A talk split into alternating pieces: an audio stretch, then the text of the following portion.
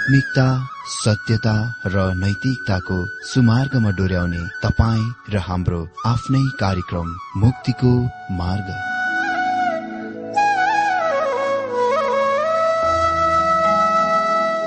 आदरणीय श्रोता यस मुक्तिको मार्ग कार्यक्रममा हार्दिक स्वागत छ। आशा छ यस आत्मिक कार्यक्रमद्वारा जीवनमा आत्मिक आशिष अलौकिक शान्ति र आनन्द प्राप्त गर्नुहुनेछ। र जीवनमा धन्य अनुभव गर्नुहुनेछ। आउनुहोस् श्रोता। मन र आत्माको तयारीको लागि यो मिठो अनि मधुर भजन गीत सुनौ।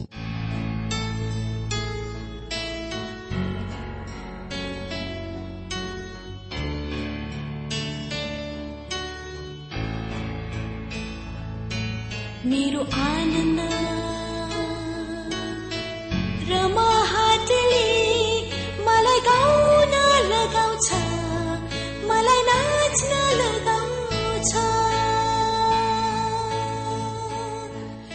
आनना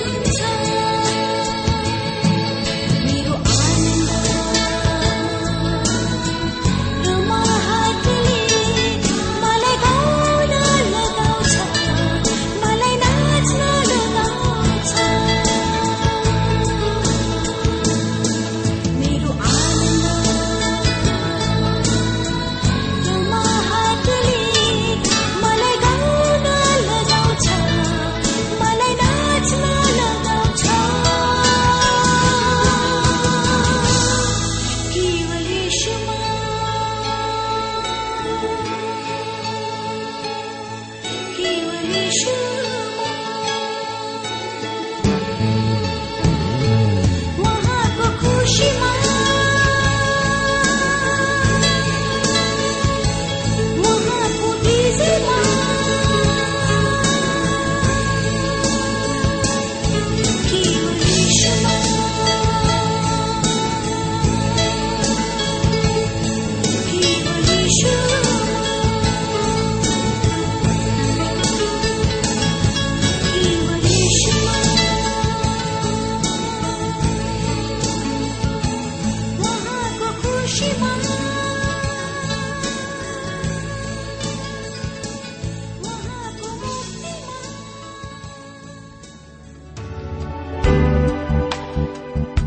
प्रिय श्रोता यो प्रसारण मार्फत यो अवगत गराउन चाहन्छौ कि प्रभुको सेवाको लागि यहाँहरूको साझेदारी नित्यन्त आवश्यकता छ।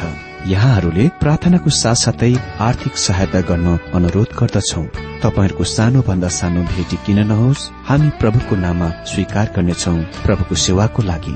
तपाईँहरूको यो सानो लगानीले कसैको जीवनमा भिन्नता ल्याउँछ अनि प्रभुको महिमा हुन्छ। प्रभु तपाईँहरूलाई महान गरी आशिष दिनुहुनेछ। इच्छुक श्रोताहरूले तपाईँको इच्छा भेटी हाम्रो ठेगानामा पठाउन सक्नुहुन्छ जुन ठेगाना हामी कार्यक्रमको अन्तमा दिनेछौं। मित्र आज पनि तपाईँ सबैलाई मेरो प्यार भरा नमस्कार साथै यस बाइबल अध्ययन कार्यक्रममा हार्दिक स्वागत छ। त आउनुहोस् छोटो प्रार्थनाको साथ आजको वचन अध्ययनलाई आरम्भ गरौं। प्रभुजी आज पनि हामी तपाईँको उपस्थितिमा आएका छौं। तपाई हामीलाई आफ्नो वचनले भरिदिनुहोस्। हामीलाई आफ्नो स्वर्गीय ज्ञान बुद्धिले भरिदिनुहोस् ताकि हामी तपाईँको वचन अध्ययनमा पसिकन त्यसको रहस्य बुझ्न सकौं। र तपाईँ प्रभुलाई महिमा गर्न सकौं। यसो प्रभुको नाममा यो प्रार्थना माग्छु। मित्र अघिल्लो दिनमा हामीले वचन अध्ययन प्रकाश अठार अध्यय नौदेखि उन्नाइस पदबाट बेबिलोनको दण्डको कारण विश्वमा विलाप तीव्र वेदना विषय देख्यौं। आज हामी प्रकाश अठार अध्यय बीसदेखि चौविस पदबाट वचन देख्नेछौ। जहाँ हामी देख्छौ बेबिलोनको दण्डको कारण स्वर्गीयमा अघिबाटै र भनेको कुरा गरिदिन्छ वा हुन्छ भन्ने ठानेर हर्ष र आनन्द। आउनुहोस् प्रकाश अठार अध्यय बीस पद हेर्दै अगाडि बढ़ौ यस प्रकार लेखिएको छ हे स्वर्गीय हे पवित्र प्रेरितहरू र भविष्य वक्ताहरू त्यसको विषयमा आनन्द मनाऊ किनभने परमेश्वरले त्यसमाथि तिमीहरूको न्याय गर्नुभएको छ। स्वर्गीयको दृष्टिकोण बिल्कुलै अलगै बेग्लै खालको छ। त्यहाँ सब यात्रा छैन। त्यहाँ कुनै शोकको माहौल छैन। बरु त्यहाँ पक्कै हुनेछ। निश्चय नै हुनेछ भनी आशा गरिएको घटित घटनाको उत्सव छ। रमाइलो गराइ छ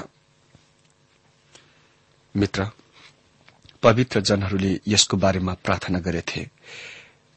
पुरानो नियमका भविष्य वक्ताहरूले यसको भविष्यवाणी गरेथे। अहिले ती सबै पूरा भयो अनि त्यहाँ आनन्द र हर्ष छ। किनभने परमेश्वरले आफ्ना नामको दोषमुक्त गर्नुभयो निर्दोष ठहर्याउनुभयो दण्ड यी चीजहरू कुराहरूमाथि आएको छ। आज तपाईँको हृदय केमा कुन कुरामा स्थिर गरिएको छ? त्यस दिनमा यसले धेरै भिन्नता बनाउनेछ। किनभने तपाईँ या त विलाप गर्ने शोक गर्नेहरूको पक्षमा तर्फीमा हुनुहुन्छ वा तपाईँ आनन्द गर्ने हर्ष गर्नेहरूको तर्फीमा हुनुहुनेछ।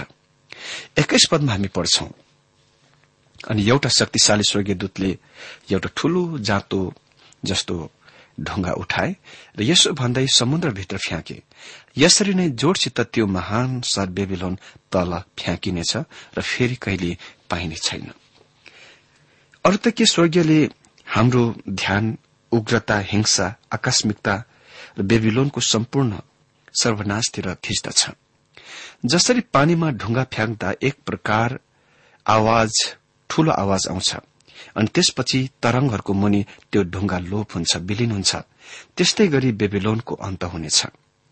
अनि बाइस र तेइस पदमा पढ्छौं अनि तमा फेरि वीणा बजाउनेहरू गायकहरू बाँसुरी बजाउनेहरू र तुरही बजाउनेहरूको आवाज कहिले सुनिने छैन।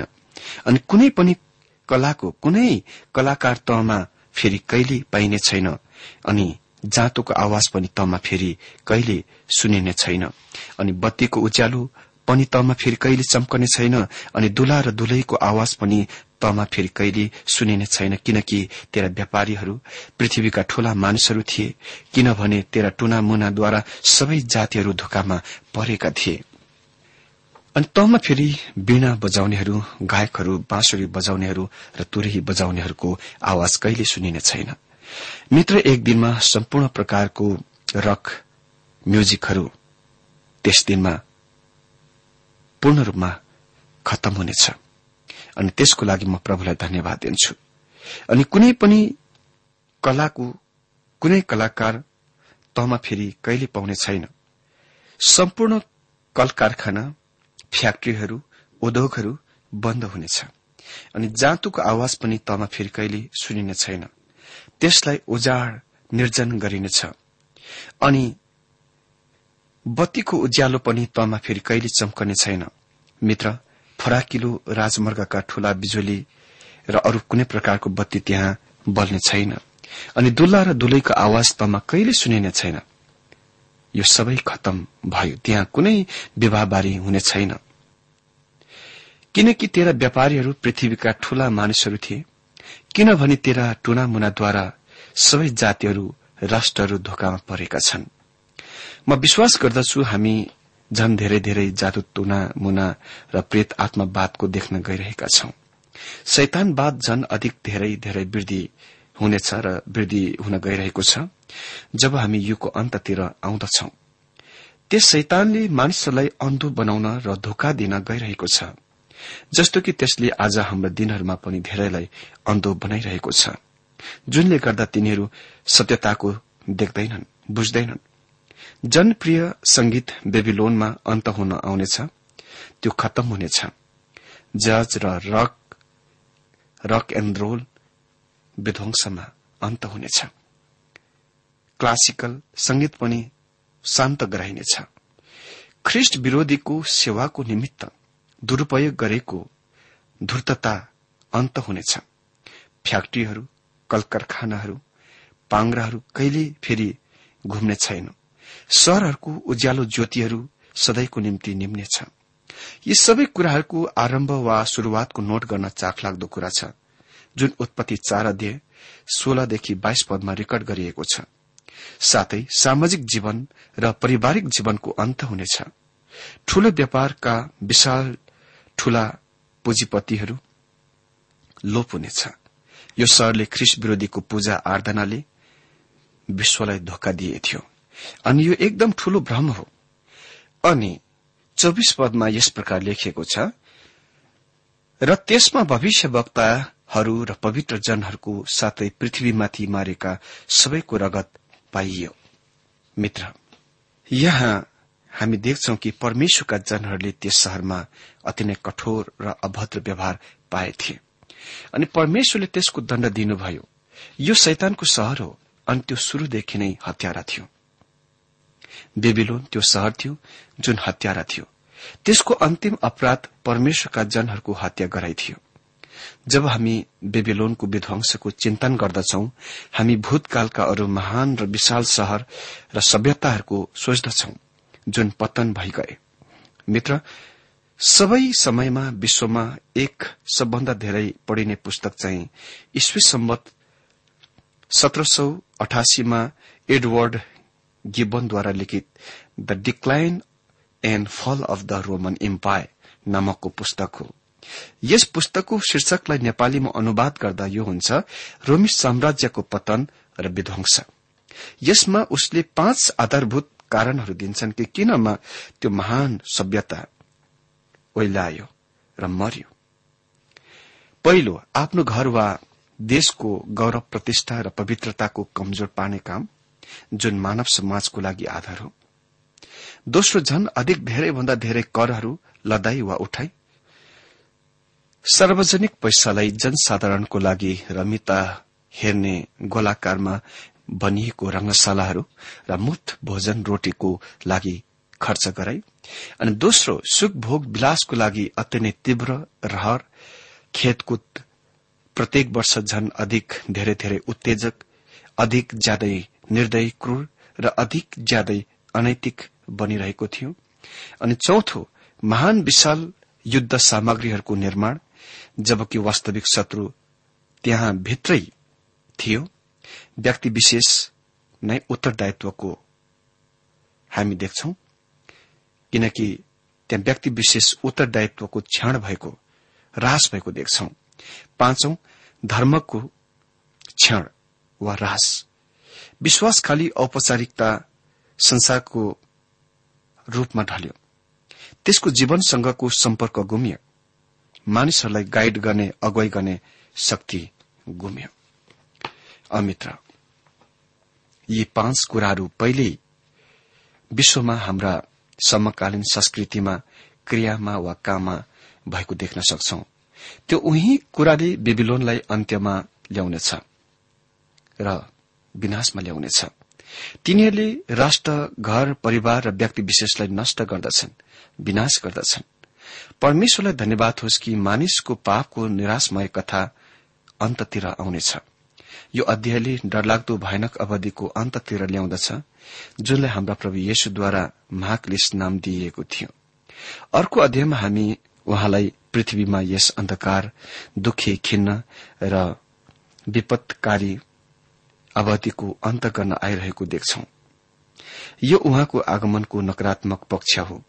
सकारात्मक पक्ष चाहिँ परमप्रभुको दिनको प्रारम्भ हो जुनलाई बीस अध्यायमा हजार वर्षीय राज्य भनिन्दछ अब अहिले महाक्लेश अवधिमा त्यसको महाविनाशकारी र आकस्मिक विपत्ति घटनाहरू मेसिन गन फायरिङ जस्तै तेज शीघ्रगामी लगातारता सहित घटित भइरहेका घटनामा जस्तै हेरौं। सम्पूर्ण अवधि चाहिँ सात वर्षको हुन्छ। यो दानियलको भविष्यवाणीको सतरियौं हप्ता हो। पुरानो नियममा दानियलले यसको विभाजित गरे र नयाँ नियममा युहनाले दुई अलग अलग र प्रत्येकलाई साढे तीन वर्ष साढे तीन वर्ष बराबरी अवधिमा विभाजन गरेका छन्। तर चर्चको यो पृथ्वी छोडिसकेपछि ख्रिस्ट विरोधी शान्तिको समृद्धता र सुनाम यसको मञ्चमा नीति कार्यक्रममा विश्व शासकको रूपमा शक्तिमा आउँदछ। क्लेशकालको पहिलो भाग अवधिमा ख्रिस विरोधीले मौलिक परिवर्तनहरू ल्याउने काम गर्छ जुन मानव जातिलाई लाभकारी फाइदाजनक कुरा देखाइ पर्दछ अनि उसले झुटा शान्ति ल्याउनेछ। सम्पूर्ण सरकार र धर्महरू उनीद्वारा नियन्त्रण गरिनेछ। जब त्यो समय आउँदछ त्यहाँ एउटै विश्व एउटै धर्म र हरेक कुरा एउटै हुनेछ। अनि विश्वले विश्वास गर्नेछ कि तिनीहरू हजार वर्षीय राज्यतिर प्रवेश गरिरहेका छन्। आदर्श शान्तिको राज्यतिर प्रवेश गरिरहेका छन् र विश्व आदर्श राज्य बन्न गइरहेको छ। यो त्यो अवधिको ठूलो छल भ्रम झुटको एक भाग हो। सत्य चर्च ख्रिस्टको बदन क्लेश आरम्भ हुनभन्दा पहिले नै पृथ्वीबाट हटाइसकेको हुनेछ। त्यो ख्रिस्टको दुल्ली बन्नेछ र हामी दुल्लीको अर्को कुरा छिट्टै देख्नेछौ यो पुस्तकको अन्ततिर। इसरायल एकपल्ट पृथ्वीमा परमेश्वरको साक्षी बन्नेछ। एक लाख चौवालिस हजार यहुदीहरूलाई परमेश्वरको आत्माद्वारा छाप मारिनेछ अनि तिनीहरूले पृथ्वीमाथि साक्षी दिनेछन्। साथै त्यहाँ अन्य जातिको अति नै ठूलो भीड़ पनि हुनेछ जसलाई छाप मारिनेछ। सात साल अवधिको बीच कहीँ कतैतिर उत्तरबाट राजा आउनेछ र म विश्वास गर्दछु कि त्यो रूस हुनेछ र त्यो इसरायलको विरूद्धमा बढ़नेछ। परमेश्वरले त्यस रूसलाई सदोम र गमरालाई दण्ड दिनुभए जस्तै गरी दण्ड दिनुहुनेछ। यदि तपाई त्यस तस्विरको देख्न चाहनुहुन्छ भने तपाई त्यसको इजिकेल अडतिस अध्यायमा पत्ता लगाउनुहुनेछ। यसले युद्धको बाढ़को ढोकाहरू बाटोहरू खोल्दछ। ख्रिस्ट विरोधी अहिले अगाडि बढ़ने आफ्नो चाल चाल्न आरम्भ गर्छ। र म सोच्दछु कि त्यसको छल धोका धेरै मानिसहरूलाई स्पष्ट देखाइ पर्नेछ। विश्रामहीन मानिसहरू शैतानका नियन्त्रण मुनि हुनेहरू अगाडि बढ्न आरम्भ गर्छन्। विश्व खस्न वा पतन हुन आरम्भ गर्छ जस्तो धेरै पाकेको फल खस्न पतन हुँदछ। पापको मानिस ख्रिस विरोधीले इसरायलसँग त्यसको करार तोड्दछ। अनि यो अवधिमा मध्यपूर्वीय राज्यहरू विश्व क्रियाकलापका केन्द्र बन्नेछ बेबिलोन विश्वको राजनीतिक आर्थिक राजधानी बन्नेछ र यरुसलेम यसमा बेबिलोन पनि सम्मिलित छ। धार्मिक राजधानी हुनेछ। ख्रिस्ट विरोधी रोममा आरम्भ हुनेछ र झुटा भविष्य वक्ता यरुसलेममा आरम्भ हुनेछ। ख्रिस्ट विरोधी जब शक्तिमा आउँछ बेबिलोनको निर्माण गर्नेछ। यसरी सत्य विश्वास त्याग चर्च ख्रिस्ट विरोधीद्वारा र उसको अधीनता मुनिको काठपुतली पृथ्वीका राजाद्वारा नष्ट गरिनेछ। युप्रेटिस नदीमा स्थित प्राचीन बेबिलोन विश्वको राजनीतिक आर्थिक राजधानी बन्नेछ। यदि मध्यपूर्वीय एउटा सानो राज्यले तेल दिन रोकेर त्यसको सामने विश्वलाई घुँडा टेकाउने बनाउँछ भने त्यो कस्तो हुनेछ जब त्यस हरेक क्षेत्रमा प्राचीन बेबिलोन फेरि विश्व केन्द्र बन्नेछ एकजना अमेरिकी महान प्रभुका प्रचारकले यसो भन्दै यसै प्रसंगमा भनिरहेका थिए लस एन्जेल्स माटो र परालले बनेको गाउँमा फर्किनेछ परिणत हुनेछ। त्यो कति पनि एन्जलहरूको स्वर्गीय दूतहरूको सहर रहने छैन। तर दुष्ट आत्माहरूको प्रेत आत्माहरूको बस्ने स्थान हुनेछ। यो यस्तो देखिन्छ कि मानव ती दुष्ट आत्मा प्रेत आत्माहरू पहिले नै त्यसभित्र प्रवेश गर्न र चाल चल्न आरम्भ गरिरहेका छन्। लण्डन र अन्य विश्वका महान शहरहरू खाली हिलो हिलो भएको बाटाहरूका गाउँ बन्नेछ परमेश्वरबाट दण्डहरू एकदमै चाँडो गरी तीव्र गतिले अचानक परमेश्वरलाई इन्कार गर्ने र ईश्वर निन्दा गर्ने विश्वमाथि खस्नेछ। पहिलो खण्डमा विश्वले एक चौथाई जनसंख्या विनाशको भोग्नेछ अनि अर्को पल्ट एक तिहाई जनसंख्या नष्ट हुनेछन्। प्राकृतिमाथि पनि त्यसको असर पर्नेछ। घाँसहरू पृथ्वीका रूखहरू आकाशमा सूर्य चन्द्र र ताराहरूमाथि समेत यसको असर पर्दछ। एकपछि अर्को महाविपत्ति पृथ्वीमा खस्नेछ पर्नेछ। तर मानिसको हृदय अझै पस्तापीमा आउने छैन त्यो अपस्तापी हुनेछ। भन्नु नै पर्दा वास्तवमा उसले स्वर्गीयको परमेश्वरको नामलाई निन्दा गर्नेछ श्राप नै छ त्यसपछि सेनाहरू इसरायलको विरूद्धमा बढ़नेछ साढे तीन वर्ष युद्ध भीषण रूपमा चल्नेछ। यो आर्मगदोनको लड़ाई होइन तर आर्मगदोनको युद्ध। लाखौं मानिसहरू त्यस समयमा त्यस इसरायल मुलुकको विरूद्ध बढ़नेछन् र तिनीहरू त्यहाँ युद्धमा सामेल हुनेछन् तर तिनीहरूलाई नष्ट गरिनेछ। त्यहाँ घोड़ाहरूको लगाम लगाम सम्म आइन्जेलसम्म खुनको नदी र तलाउ हुनेछ। यसको मतलब करिब चार फिट गहिरो रगतको नदी वा तलाउ बन्नेछ त्यो कुनै बढाइ चढ़ाई गरेको वर्णन होइन यथार्थको तस्विर हो। यस लथालिङ्गको अवस्थाको भयानक क्षेत्रमा मानिसले बनाएको र शैतानको योजना र षड्यन्त्रको लथालिङ्गको अवस्थामा राजाहरूको पनि राजा र प्रभुहरूका पनि प्रभु आउनुहुन्छ। हाँ राजा यो पृथ्वीमा आइरहनु भएको छ। तर यो सम्पूर्ण कुरा स्थान लिन सक्नुभन्दा पहिले घट्नभन्दा पहिले उहाँको चर्च पृथ्वीबाट हटाइनै पर्छ र हटाइनेछ र उहाँसँग हुनलाई जानेछ। त्यसपछि चर्च पृथ्वीमा उहाँसँग फर्किआउनेछ जब उहाँ आफ्नो राज्यको स्थापन गर्न पृथ्वीमा आउनुहुन्छ। मित्र चर्चले यी कुनै पनि कुराहरूको परिपूर्णता वा पूरा हुने कुराको प्रतीक्षासहित बाटो हेरिरहेको छैन। जुनको हामीले प्रकाश चार अध्यायमा देखिसकेका छौं। प्रकाश चार अध्यायदेखि अठार अध्यायसम्मबाट देखिसकेका छौं। चर्चले धन्य आशाको र हाम्रा महान परमेश्वरको उद्धारकर्ता येशु ख्रिष्टको महिमित प्रकटनको बाटो हेरिरहेको छ। हामीलाई त्यो दिनको थाहा छैन कि ख्रिष्ट कहिले आउनुहुनेछ। त कि हामीलाई त्यस अवधिको पनि थाहा छैन कि जुनमा उहाँ आउनुहुनेछ। त्यो एकदम चाँडै पनि हुन सक्छ त्यो आज पनि हुन सक्छ भने अर्कोतिर वा एक हजार वर्षपछि वा अरू धेरै हजार वर्ष समयपछि पनि आउन नसक्नुहोला। कसैले पनि निश्चयतासँग भन्न सक्दैन कि कहिले प्रभुको उहाँको चर्चको लागि आगमन हुनेछ। जसले प्रभुको आगमनको लागि मिति सेट गर्दछ त्यो निश्चय नै सही लाइनदेखि भौतारी गएको छ। यदि कसैले दावी गर्दछ कि उसँग प्रभुको आगमन कहिले हुनेछ सो कुराको बारेमा जानकारी पाउने हुँ भनी दावी गर्दछ वा जानकारी छ भन्ने कुराको दावी गर्छ भने त्यो जानकारी परमेश्वरबाटको होइन। त्यो परमेश्वरको वचनमा छैन। आज हामीले भन्न सक्ने उक्तम कुरा यो हो घटिरहेको भइरहेको हरेक घटनाहरू कुराहरू एकदम महत्वपूर्ण छन् र विशेष अर्थ छ। हामी विश्वको इतिहासमा महान दिनमा रहिरहेका छौं। तर हामीले यो चाहिँ निश्चयतासँग भन्न सक्छौ कि हाम्रो उद्धार जब हामीले पहिले विश्वास गरेको भन्दा निश्चय नै नजिक छ। डाक्टर बिलले भन्ने गर्थे परमेश्वरले स्टेज मञ्चको सेट गरिरहनु भएको छ तयारी गरिरहनु भएको छ। यो यस्तो देखिन्छ कि उहाँ चाँडै नै आइरहनु भएको छ। तर यदि उहाँ अहिले आउने योजना गरिरहनु भएको छैन भने अनि जबकि विश्वलाई यस स्थितिमा स्थानमा ल्याउन धेरै काम गराईहरूको आवश्यकता पर्ने भएकोले यदि म प्रभु भए म अहिले आएर चर्चलाई पृथ्वीबाट उठाइ लैजाने थिएँ। अमित्र आशा गरौं कि उहाँ चाँडै नै आउनुहुनेछ।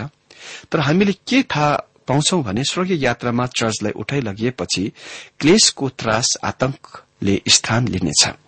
हामीलाई कुनै चिन्ह संकेत दिइएको छैन कि जुनद्वारा उहाँको आगमनको थाहा पाउन सक्छौ। तर हामी मञ्चरको तयारी भइरहेको देख्छौ र हामी हाम्रा दिनहरूमा केही महत्वपूर्ण कुराहरू घटिरहेका देख्छौ। यो निश्चय छ कि पश्चिम युरोप मजबुत शक्तिशाली मानिसको बाटो हेरिरहेको छ जसले रोमलाई एकट्टामा एकसाथमा ल्याउन योग्य छ। योग्य हुनेछ।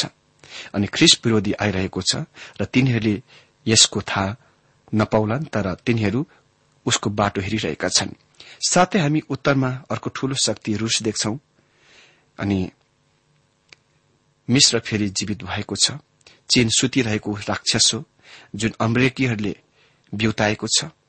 अनि त्यस विशाल जनसंख्याको केन्द्रबाट कुनै दिन इसरायलको मुलुकको विरूद्ध बढ़न गइरहेका छन्।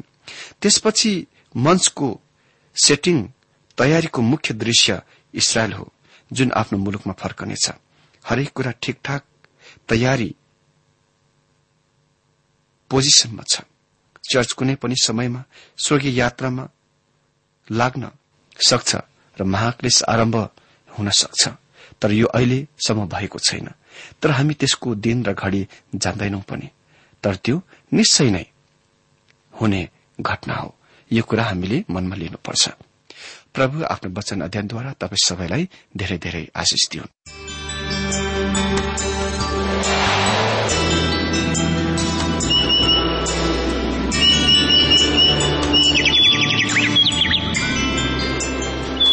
प्रिय श्रोता अहिले भर्खरै तपाईँले टीडब्ल्यूआर नेपालद्वारा सञ्चालित आत्मिक कार्यक्रम मुक्तिको मार्ग सुनिरहनु भएको थियो। श्रोता आजको यो कार्यक्रम सुनेर तपाईँलाई कस्तो लाग्यो? यदि यो कार्यक्रम सुनेर मनमा कुनै खुल्दुली वा कुनै प्रतिक्रिया अर्थात सुझावहरू छन् भने हामीलाई पत्रद्वारा लेख्न सक्नुहुनेछ। हामी हृदयदेखि नै स्वागत गर्नेछौ स्वीकार गर्नेछौ साथै बाइबल सम्बन्धित प्रचारहरू कार्यक्रम सारणीहरू हामी अनुरोधमा पठाउन सक्छौ। अनि तपाईँसँग कुनै प्रार्थनाको विषय छन् भने हामीले तपाईँको लागि प्रार्थना गरेको चाहनुहुन्छ। भने प्रभुमा आफ्नै परिवार सम्झेर हामीलाई पत्रमा लेख्न सक्नुहुनेछ। तपाईँको लागि हामी प्रभु येशुसँग प्रार्थना गर्नेछौ। अधिक जानकारी र पत्रचारको लागि हाम्रो ठेगाना यस प्रकार छ। कार्यक्रम मुक्तिको मार्ग जीपीओ नम्बर उनानब्बे पचहत्तर इपिसी पच्चिस एकसठी काठमाडौँ। ठेगाना एकपल्ट सुन्नुहोला। कार्यक्रम मुक्तिको मार्ग जीपीओ नम्बर उनानब्बे पचहत्तर इपिसी पच्चिस एकसठी काठमाडौँ। हाम्रो इमेल एड्रेस हो TWR Nepal at Yahoo dot com. साथै यस नम्बरमा एसएमएस गर्न सक्नुहुनेछ। अन्ठानब्बे चार सत्तरी पैतिस छ सय उनासी नौ आठ चार सात जिरो तीन पाँच छ सात नौ। हुन्छ श्रोता आजलाई हामी विदा चाहन्छौ। अर्को कार्यक्रममा हामी पुनः भेट्नेछौ तबसम्मलाई नमस्कार।